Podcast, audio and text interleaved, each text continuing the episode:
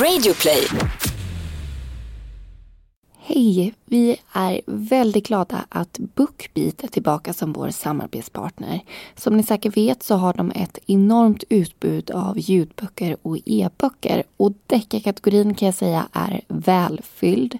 Självklart finns den nya boken av Camilla Läckberg där, Vingar av silver och Sofie Sarenbrand, spännande serie om Emma Sköld.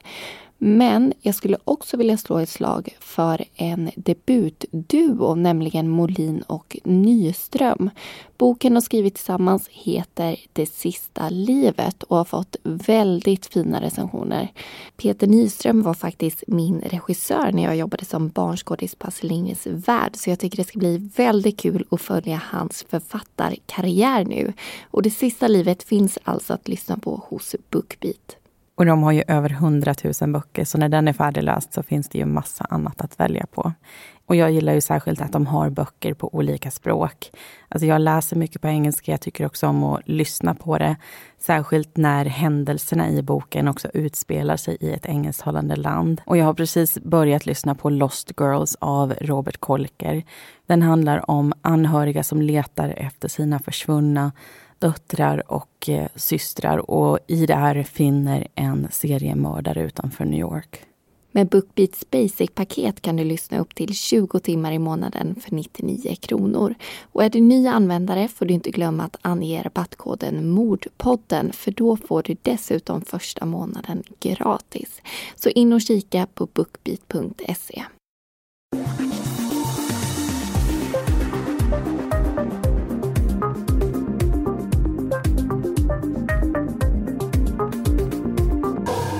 En juninatt drabbar några unga killar samman i en park i Östersund. Det börjar med tjafs och slutar med misshandel. En av killarna får en glasflaska i bakhuvudet och blir av med sin keps. Han tar sig därifrån och söker upp vännerna han lämnat för bara en liten stund sedan. Tillsammans är de på väg hemåt när killarna från parken dyker upp framför dem. Det blir bråk igen. Det utbyts ord, sen slag och sparkar. Många är involverade och situationen håller på att spåra ur. Plötsligt skriker någon kniv. En kille brottas ner på marken. Polisen anländer och två personer får åka därifrån i ambulans.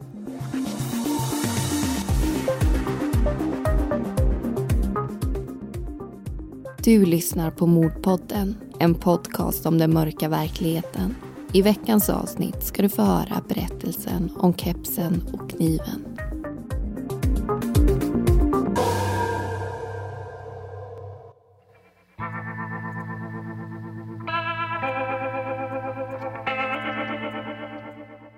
Det är fredagen den 5 juni 2015.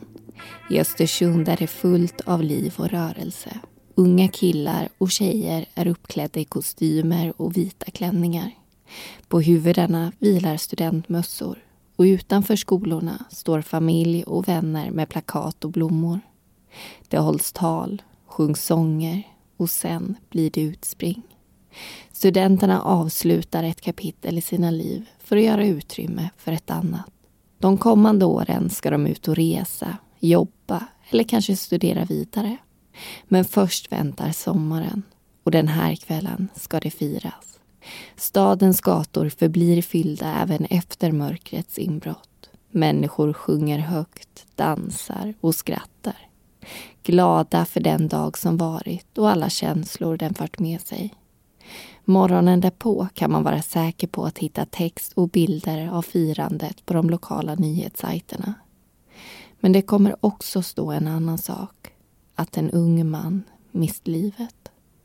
22-åriga Elias är en av många som är ute på stan den natten. Han och några vänner sitter på en snabbmatsrestaurang, äter och skrattar. Det är sent.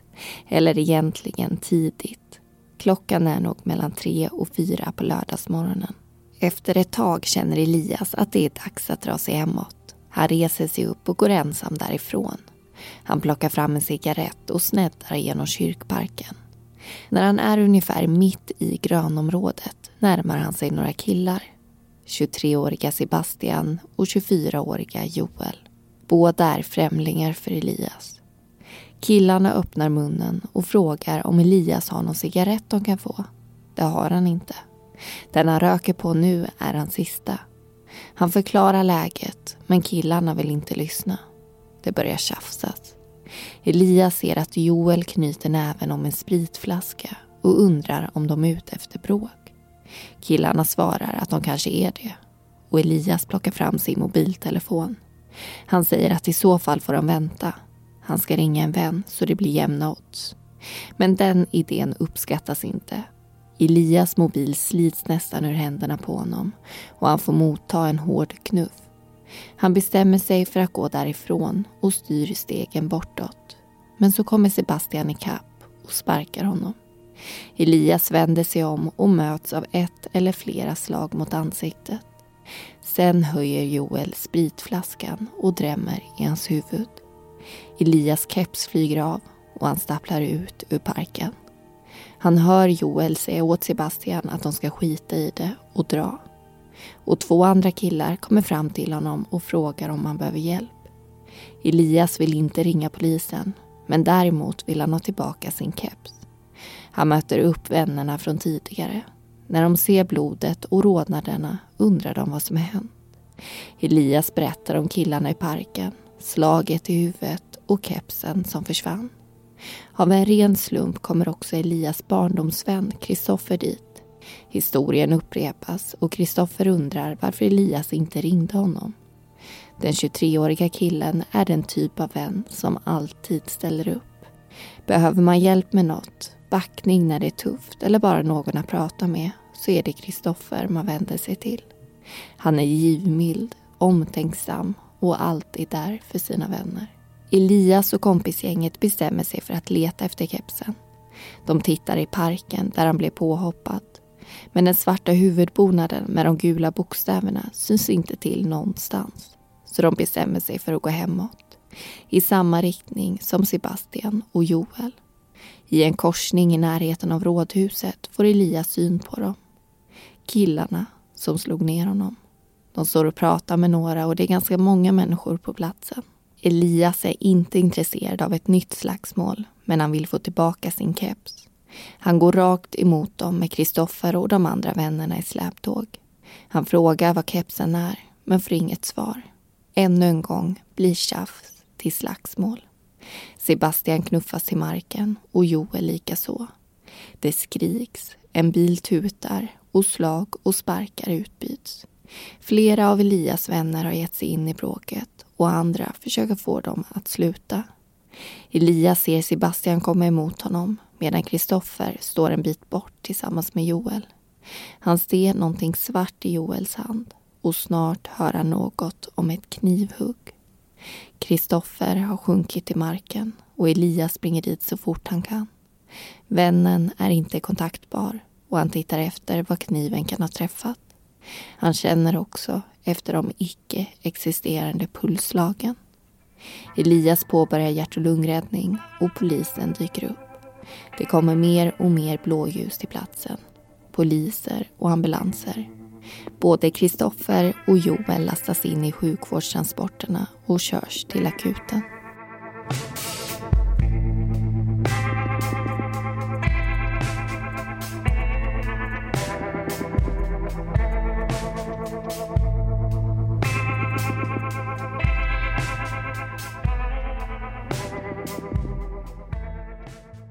Välkomna in i diskussion ett av det här avsnittet som vi har valt att kalla för Kepsen och kniven. Vårt sista jämtländska fall i en ganska så kort säsong och vi ska berätta om planerna för resten av 2020. Eh, men vi tar det i nästa diskussion för just nu så tänkte vi att vi ska prata om veckans fall lite mer ingående. Alltså en oerhört tragisk händelse som skedde 2015 i Östersund. Och vi har hört en del av vad som händer den här natten, men mestadels då från Elias perspektiv. Men vi har inte sagt att Kristoffer faktiskt avlider en tid efter att han fick det här knivhugget. Och vi kommer titta på bråket igen i de andra berättelserna, men då berättat från andra personer som var där. Så vi kommer se samma händelse från flera perspektiv. För i det här fallet så finns det ju inte så mycket bakgrund att gräva i. Det finns ingen tidigare relation eller något bakomliggande problem eller konflikt som leder till ett mord. De här killarna känner ju inte varandra utan de är främlingar som stöter ihop en natt på stan och så slutar tyvärr mötet väldigt, väldigt olyckligt. Och även om vi inte har den typ av bakgrund som vi brukar prata om så tänkte jag att vi ska titta individuellt på de fyra personer som jag skulle vilja säga eh, spelar störst roll i det här fallet. Och det är Elias och Kristoffer på ena sidan och Joel och Sebastian på andra sidan. Och Elias och Kristoffer de har ju känt varandra sedan de var barn. De är riktigt goda vänner, de pratar ofta med varandra och de umgås också. Elias han är 22 år och den som blir eh, påhoppad i parken utav just Joel och Sebastian. Och Kristoffer han har ju fyllt 23 år. Han och Elias har eh, umgåtts tidigare under den här kvällen. Eh, men sen så glider de isär en tid och sen så stöter de ihop med varandra strax efter att misshandeln skett. Och Kristoffer beskrivs som en väldigt bra vän. Han är snäll, omtänksam, givmild och alltid där för en, precis som man vill att en vän ska vara. Och på det personliga planet så har han haft en del problem i sitt liv. Han har inte alltid varit laglydig utan dömts för saker som misshandel och stöld. Och två år innan den här händelsen så blev han dessutom skjuten av polisen. Och det var för att han uppträtt hotfullt mot dem och också varit beväpnad med en kofot, vilket han senare döms för också.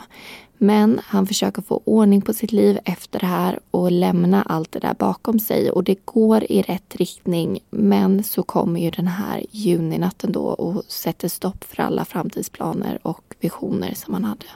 Och just den informationen om Kristoffers bakgrund den kommer från en artikel som är skriven av Östersunds-Posten. Och man kan ju säga att Elias och Kristoffer de står på ena sidan i det här bråket om vi ska förenkla saker och ting. Och på andra sidan så har vi då Joel och Sebastian. Och jag tänkte vi flyttar över nu och pratar lite om dem. Joel han är 24 år, Sebastian är 23. De här två killarna känner varandra men de tycks inte vara så eh, nära vänner utan det som har fört dem samman det är att de har lite av en liknande bakgrund och de har lärt känna varandra eh, genom ett program och båda förekommer i belastningsregistret. Sebastian har tidigare dömts för våldsamt motstånd. Han har dömts för våld mot tjänsteman. Han har problem med alkohol och droger och ett eh, behov av behandling på grund av psykisk ohälsa. Och Joel han har också våldsbrott i bagaget vilket leder till att båda de här killarna hamnar på samma program. Och då pratar vi om ett behandlingsprogram som kriminalvården har. De har flera olika för olika problem och med olika syften. Ett av de vanligaste är puls och det är där som Joel och Sebastian hamnar.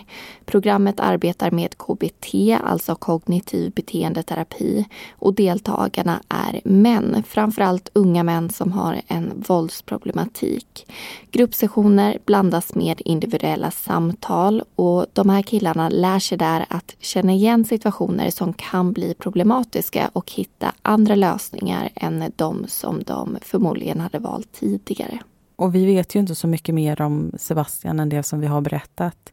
Joel däremot beskriver ju sig själv som att han har alkoholproblem han också. Och han vet att han inte borde dricka. Ändå så gör han ju det just den här kvällen. Vi vet också att han kommer ifrån Stockholm, att han är pappa, att han har ett litet barn och att han har flyttat norrut till just Östersund för att försöka få ordning på sitt liv. Men tyvärr så går det ju dock i en annan riktning. Och det här är ju alltså lite mer ingående om de här fyra killarna som veckans avsnitt handlar om. Eh, och det som händer den här natten tycker jag är så himla tragiskt. Alltså jag tänker på när jag själv var yngre, när man själv var ute på stan och även när min bror var det, min äldre bror, och han kom hem efter ett bråk en gång. Det slog mig aldrig som en tanke att vissa inte får hem sin bror eller sin son utan att de får en påknackning av en polis. För just den här typen av våld, alltså män som dödar män, det är den allra vanligaste som vi har i Sverige. Och då menar vi när man tittar på statistiken för dödligt våld i vårt land Brå, Brottsförebyggande rådet, gör undersökningar kring det här varje år och det har varit ganska ojämna siffror om man går tillbaka i tiden en bit. Men de senaste åren har vi legat ganska jämnt och landat på strax över 100 fall av dödligt våld per år. 2018 var den siffran 108 fall om vi ska vara exakta och 2019 blev det 111 fall. Och av de här 111 personerna som dog förra året så var 25 kvinnor och 86 män. Det är alltså mer än tre gånger så vanligt att en man blir offer för dödligt våld än en kvinna.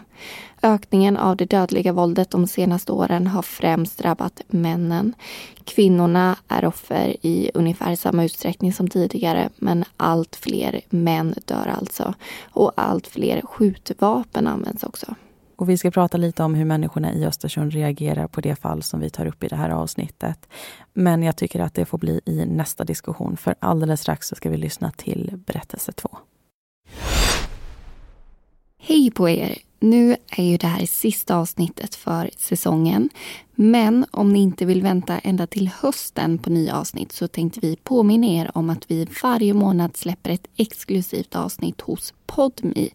Vi har hunnit med en hel del avsnitt, så blir du prenumerant nu så har du väldigt mycket att lyssna ikapp. Och du kan testa den här tjänsten helt gratis i en månad och sen bestämma dig för om du vill fortsätta prenumerera eller inte. Och vi är i tryggt sällskap av många andra väldigt bra poddar som du också kommer få tillgång till. Om du går in på podme.com eller laddar hem podme appen så kan du kika på både utbudet och även hitta all information om priser och andra saker som du kan tänkas behöva veta. Så vi hoppas att vi även hörs där.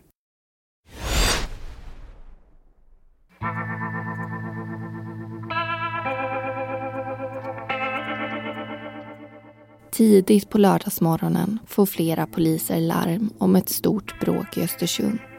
De får veta att en kniv ska ha använts och att bråket ägt rum i en korsning bakom rådhuset.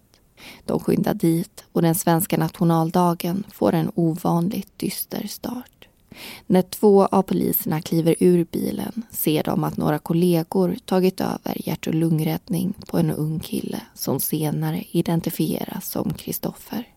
Han har en knivskada i bröstet och har fått hjärtstopp. Men tillsammans lyckas de få den stora muskeln att börja slå igen.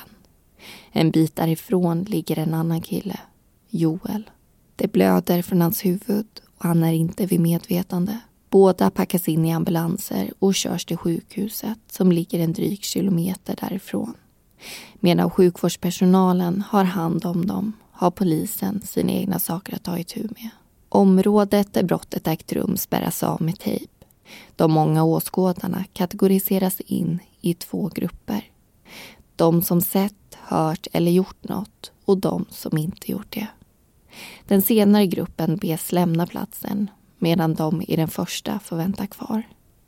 Den svarta fällkniven som hittas i gruset mellan körbanan och gångvägen tas i beslag. Ett anteckningsblock plockas fram och på varje sida skrivs ett nummer. Bladen läggs på backen intill olika fynd som sedan fotodokumenteras. Nummer fem är Elias svarta keps med de gula bokstäverna. Man pratar med vittnena och får en första beskrivning av det som hänt. Flera berättar att Joel och Sebastian verkar vara vänner. Det var Joel som stötte kniven i Kristoffers bröst. Och att han själv blivit medvetslös har att göra med det som hände efter knivhugget. Flera av Kristoffer och Elias vänner gav sig på honom med sparkar och slag. Ett par av dem grips och tas till arresten. Ett av vittnena tillägger också en annan sak. Bråket började inte där. Det var uppföljningen på en misshandel som skett tidigare under natten. Poliserna lyssnar till varje vittnesmål och skriver ner det som är väsentligt. De flesta kommer att höras mer än en gång men där och då är de klara när förhöret avbryts. Det knackas dörr i området för att se om grannarna också lagt märke till det som hänt och förundersökningen växer. Det är fortfarande morgon när poliserna får beskedet. Kristoffer har dött. De beger sig till akuten för att prata med Joel. Han har nyttrat till en del, men minns inte mycket av det som hänt. När polisen säger att han är misstänkt för att ha dödat en person bryter han ihop. Han kan inte förstå hur det gått till och tårarna rinner nerför kinderna. Flera gånger frågar han om det verkligen är sant och polisen förklarar att det tyvärr är det. Joel sätts under bevakning. När han fått den vård han behöver kommer han flyttas därifrån. Den 8 juni går en ung kvinna in på polisstationen i Östersund. Hon har hört talas om det som hänt och vill dela med sig av information som kan vara av intresse. Det hon berättar har att göra med Joel. Kvällen den 5 juni beger sig två unga tjejer till en bostad i Blomängen. De kliver in genom ytterdörren, tar av sig skorna och hälsar på killen som bor där, Joel. Det spelas musik och dricks alkohol. I stora drag är det en typisk förfest. Den ena tjejen, Alexandra, har aldrig träffat Joel tidigare. Men ikväll ska hon få lära känna honom mer än hon egentligen vill. Till en början är han glad, men för varje klunk alkohol han sväljer tycks han förändras. Han ber Alexandra hjälpa honom välja parfym. När de är ensamma tar han ett hårt tag och kysser henne.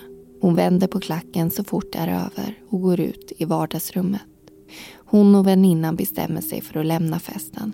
Alexandra ser i Joels ögon att det inte är uppskattat. Han drar ett finger över sin hals och obehaget sprider sig i hennes kropp. De åker till en annan fest och Joel ringer flera gånger till Alexandras mobil. Han vill veta var hon är. När tjejerna är på väg till en bar tillsammans med två andra vänner stöter de ihop med Joel. Han går fram och tar Alexandras hand i sin. Sen följer han med dem till baren. I hans ena byxficka vilar en svart fällkniv. När de står och väntar utanför ser Alexandra en killkompis. Hon sträcker sig fram för att ge honom en kram men Joel drar tillbaka henne ur vännens grepp. Det vaktande beteendet fortsätter när de kommer in på stället. Han har hela tiden sina ögon på Alexandra och handen om hennes arm. Alexandra gillar inte hur han höjer rösten åt henne eller mörkret hon tycker sig se i hans blick. När Joel går på toaletten passar hon på att gå ut och röka. När han kommer tillbaka och inte hittar henne blir han upprörd. Någon skojar och säger att hon gått hem. Men skämtet får inte Joel att skratta. Efter ett tag har vännerna fått nog. De bestämmer sig för att gå därifrån och Joel hänger på. När tjejerna smyger in i en gränd för att kissa blir han återigen upprörd. När de kommer ut ser Alexandra plötsligt en kniv i hans hand. Den är utfälld och riktad mot henne. De står en bit ifrån varann och hon är rädd. Hon tänker att om blickar kunde döda vore hon illa ute. Alexandra ber Joel lägga undan kniven och han gör det. En av tjejerna ringer sin bror och ber om skjuts. När han kommer dit hoppar tjejerna in. De börjar åka och Alexandra ser att Joel springer efter men han kommer inte ikapp. Vittnesmålet ger polisen insyn i Joels agerande den kvällen innan händelserna i kyrkparken och bakom rådhuset. Det ska bli användbart för åklagaren, liksom det som Elias vänner berättar. Besöket på snabbmatsrestaurangen den natten varar i 30-40 minuter. Förutom Elias är två tjejer och två killar där. De äter och har trevligt tillsammans. Mot slutet lägger en av tjejerna märke till hur Elias reser sig upp och går utan att säga hej då. En av killarna tänker att han nog vill gå hem ensam för att slippa efterfest. Kort efteråt reser sig resten av gänget. De kliver ut och går därifrån sjungandes. Någon undrar vart Elias tagit vägen och vännerna plockar fram sina telefoner. Det finns ett missat samtal från honom och de ringer upp. Elias svarar, men de behöver inte prata länge för han är alldeles i närheten och snart ser de honom komma emot dem. En av killarna lägger direkt märke till att Elias keps är borta. Det är konstigt eftersom han alltid har den på sig. När Elias kommer närmare ser de att han är blodig. Han berättar om tjafset om cigaretter, glasflaskan han fått i huvudet och att kepsen är borta. Vännerna frågar om de inte ska ringa polisen. Men Elias vill inte. Istället bestämmer de sig för att leta efter kepsen. Innan eller efter de gör det dyker också Kristoffer upp tillsammans med en tjej.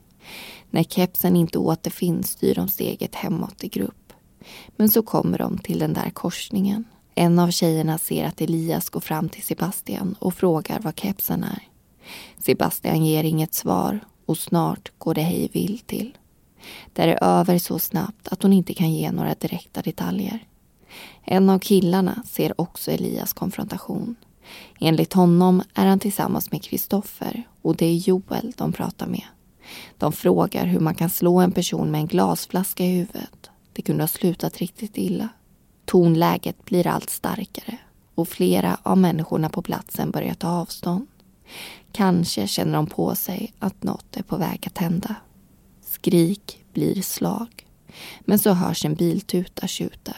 Det är en kvinna som sitter bakom ratten. Hon säger åt dem alla att lägga av. Situationen lugnar sig något. En av vännerna säger åt Elias och Kristoffer att de borde sticka. Det är inte värt att hamna hos polisen för en sån skitsak. Kristoffer tycks hålla med, för han är den som går först i ledet därifrån. När de kommit en bit in på vägen ser killen att Joel följer efter. Han går förbi dem och ger Kristoffer en knuff i ryggen. När Kristoffer vänder sig om så möts han av knivhugget. Han segnar ihop och hamnar på backen intill en av de björkar som är planterade bredvid gångvägen. Medan Elias springer fram för att hjälpa honom blir Joel avväpnad och attackerad. Kniven faller till backen, liksom Joel själv. En av killarna slänger iväg den och ser den studsa mot en husfasad. När han hör att Kristoffer inte är kontaktbar ringer han SOS Alarm. Från ett fönster i närheten ser några personer att en kille sitter ovanpå Joel. De ser Joel bli slagen och sparkad i huvudet. En telefon kastas i backen och går i bitar. Och till slut anländer polisen.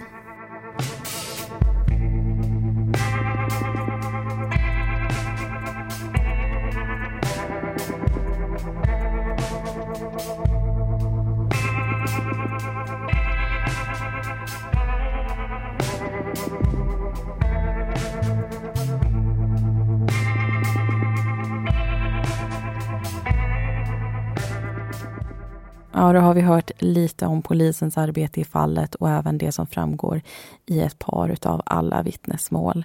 Det är många vittnen i det här fallet så vi har varit tvungna att göra ett urval och plocka fram vissa av dem som vi tycker eh, tillför något i just vår berättelse, men det finns alltså flera. Och de vi har tagit upp hittills, de berättar i stort sett samma sak. Att det var Joel som högg Kristoffer och att det skedde när de stod upp. Eh, och det finns fler som vittnar om det, även om alla detaljer inte stämmer till 100 procent i just de här vittnesmålen. Men det finns också flera vittnen som beskriver det som en olyckshändelse. De beskriver att Joel och Kristoffer bråkade, att de föll omkull tillsammans och det såg då ut som att kniven gick in i kroppen i och med fallet eller när de låg på marken. Och det här blir något som åklagaren och tingsrätten senare kommer få ta ställning till. Och en sak som gör det här fallet och just också eh, vittnesmålen svårhanterliga, det är att så gott som alla vid tillfället för bråket är berusade. Och berusning, chock, vissa psykiska störningar, eh, det är sånt som man polis måste ta hänsyn till när man håller ett förhör. Man måste fundera på om man behöver avstå att hålla ett eller om man ska genomföra ett och hur man då ska göra. Eh, och då blir det också extra viktigt med just de här följdförhören som man håller, så man får höra samma berättelse om och om igen för att eh, verkligen veta vad det var som hände. Och de här sakerna kan ju såklart också påverka olika människor på olika sätt. Nu pratar jag alltså om berusning. I det här fallet så har vi vissa som har berättat detaljerat från början till slut och andra som inte kommer ihåg delar av det som hände. Och det är svårt att återge detaljer exempelvis för dem, att de upplever att allting går väldigt fort. Och det kan bero på berusning men det kan också bero på chock som vi var inne på, att eh, det är någonting väldigt traumatiskt som händer. Och ett problem som kan uppstå, det är när man lägger ihop alla de här vittnesmålen. Att eh, de inte passar ihop riktigt som pusselbitar, utan att de är så olika och de berättar olika saker, att det blir svårt för polisen att få en överblick av saker. Och det upplever jag att det är i just det här fallet, att det blir det problemet. Ja, och därför blir det också lite mer svårarbetat för åklagaren som kommer behöva lägga fram två olika teorier kring det som hänt. I slutet av förra diskussionen nämnde vi att vi skulle prata om reaktionerna som det här våldsamma bråket leder till. Den 13 juni 2015 publicerade Östersunds-Posten en artikel som handlade om en manifestation mot våld. Det beskrivs att runt 700 människor samlades i stan för att protestera mot våldet och för att tillsammans visa att de fått nog. Att ingen av dem vill att deras bröder, deras söner eller deras pappor ska hamna i samma situation som Kristoffer. De går längs en gata där Kristoffer knivhöggs och vid en björk så har en minnesplats vuxit fram. Det står bilder, lyktor, ballonger och mer blommor än vad som går att räkna och det här fylls bara på under den här dagen. Så det är ju ganska tydligt att många blir berörda av det som hänt och att man inte vill att det här ska hända igen. Och jag tycker det är så viktigt att man också uppmärksammar sådana här saker i kombination med ett mord eller ett dråp eller vad det är nu. Alltså att se det fina som sker i allt det här hemska och egentligen också det starka, för det handlar ju om att hedra de som har gått bort när man gör en manifestation, när man bygger fram de här minnesplatserna. Men det finns ju även ofta ett eh, budskap som man vill lyfta fram, alltså en förändring som man vill få till. Och det är viktigt att visa när man inte gillar läget. Alltså ett samhälle förändras ju hela tiden och ska man få det i den riktning dit man vill ha det så måste man ju faktiskt vara med och styra det dit. Och ett sätt man kan göra det på det är ju att hålla med manifestationer som det här eller skriva på listor när man tycker att någonting har gått fel. För det är ju sådana saker som uppmärksammas i medier och då har det också en chans att exempelvis nå våra politiker.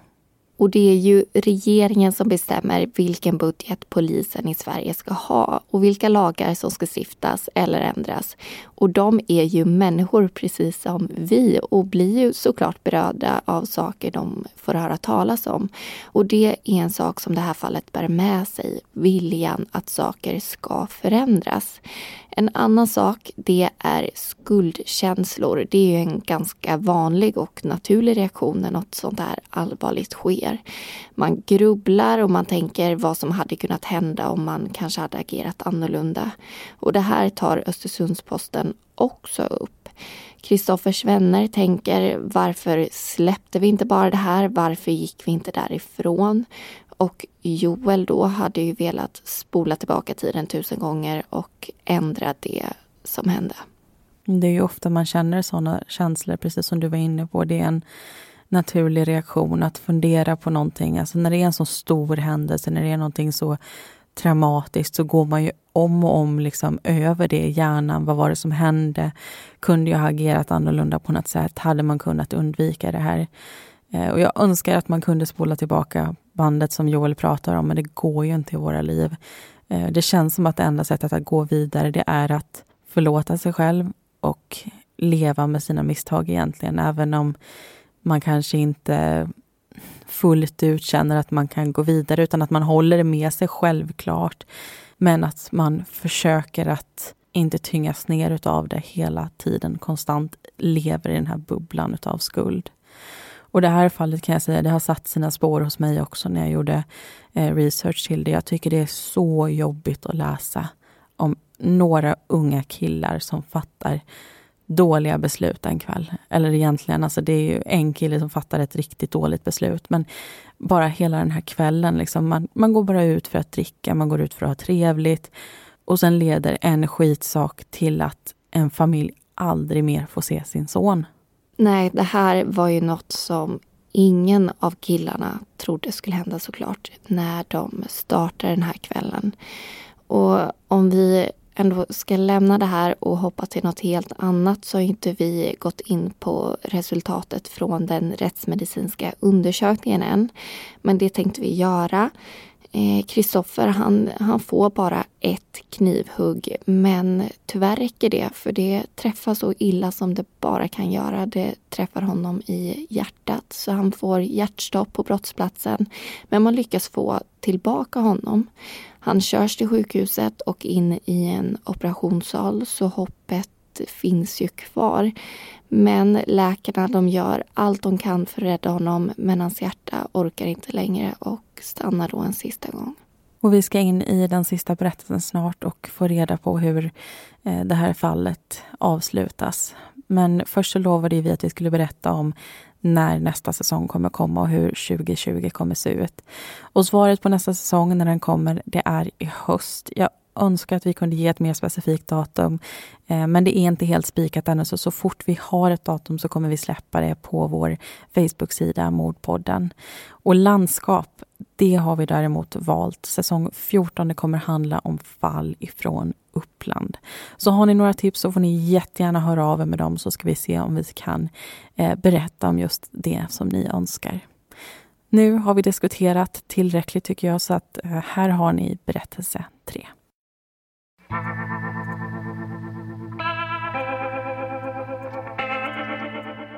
Alltså Sebastians berättelse av vad som hände den där dagen är ganska lik Elias. Han minns inte varför de började bråka, men han minns att han slog och sparkade honom. Att Joel slagit honom med en flaska är inte något han kan komma ihåg. Sebastian försöker inte bortförklara sitt agerande utan erkänner misshandeln. Han har också en del att säga om det som hände sen.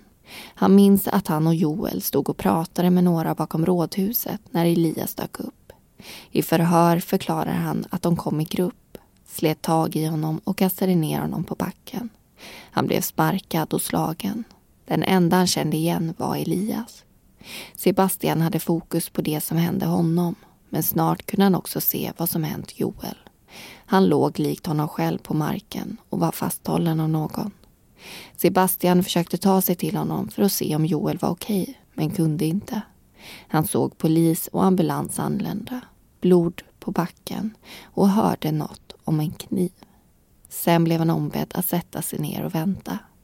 När väntan var över blev han inplockad till polisstationen. Joels berättelse är kortare. Hans minnen från kvällen och natten är få och fragmenterade. Det blir så när han dricker. Han kommer ihåg förfesten och krogbesöket. Inte alls så som Alexandra beskrivit det, men han var där. Att han skulle ha följt efter henne och hotat med en kniv får han inte alls ihop.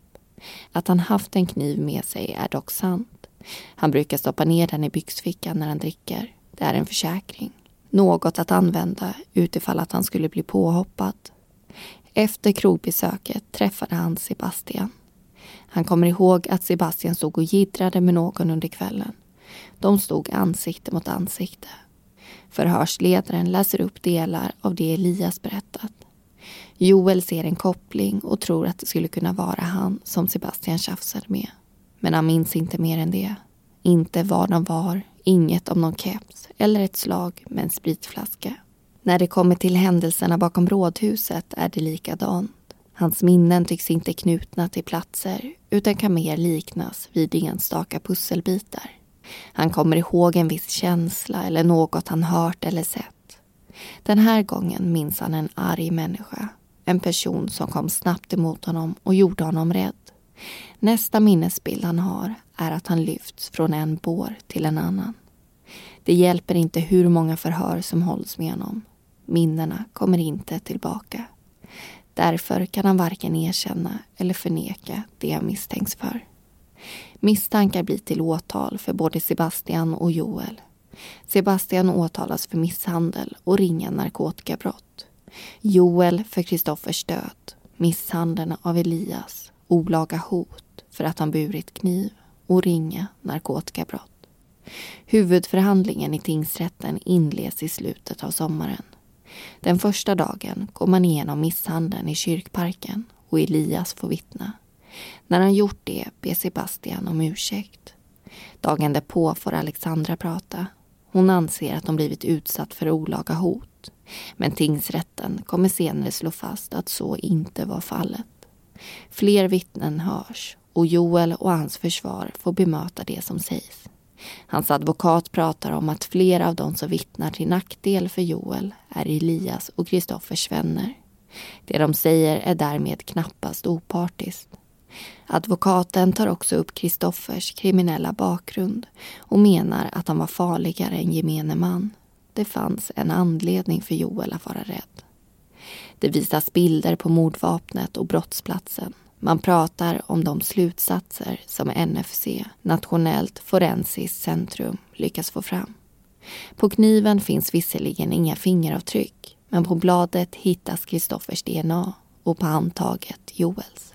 De pratar om att Joel valde att bära kniv och han förklarar för tingsrätten att det var dumt. Han skäms och ber om ursäkt. Önskar att kniven aldrig legat i fickan den natten. Då hade det förmodligen slutat annorlunda. De kommer in på bråket vid rådhuset. Försvaret menar att det var en olycka. Något som måste ha hänt när Joel och Kristoffer föll till marken. Så som flera vittnen sagt sig se det. Åklagaren lägger fram sina två teorier.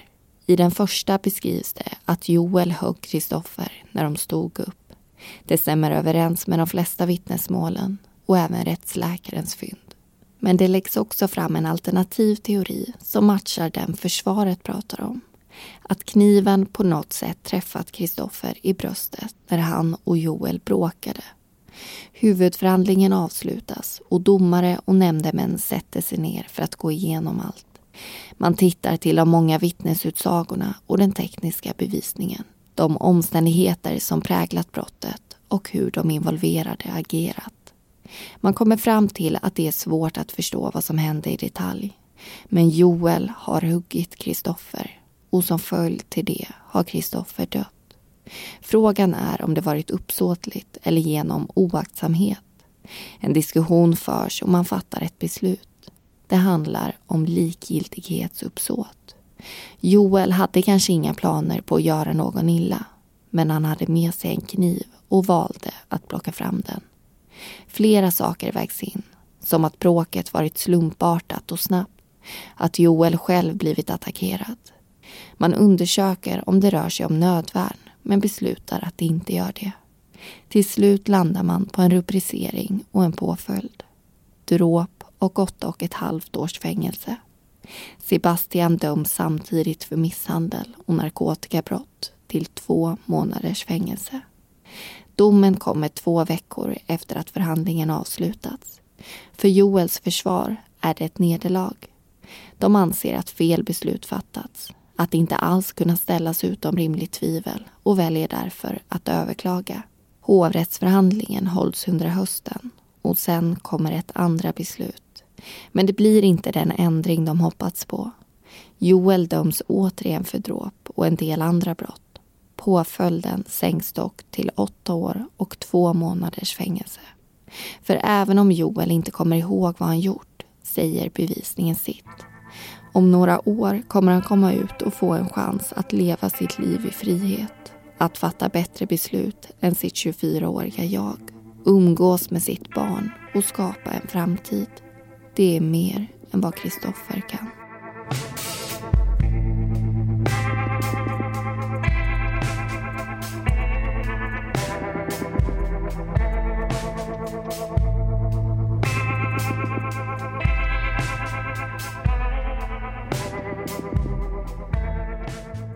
Tack för att du har lyssnat på det här avsnittet och den här säsongen. Alla heter egentligen någonting annat och informationen är hämtad ifrån domarna, förundersökningen och artiklar från Östersundsposten. Vi hoppas att ni får en riktigt fin sommar och att vi hörs igen i höst när vi är tillbaka med en ny säsong.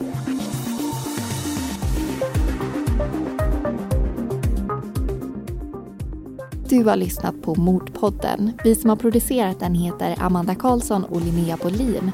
Bakgrundsmusiken var bland annat Soaring av Kevin MacLeod och Deep Space av Audionautics.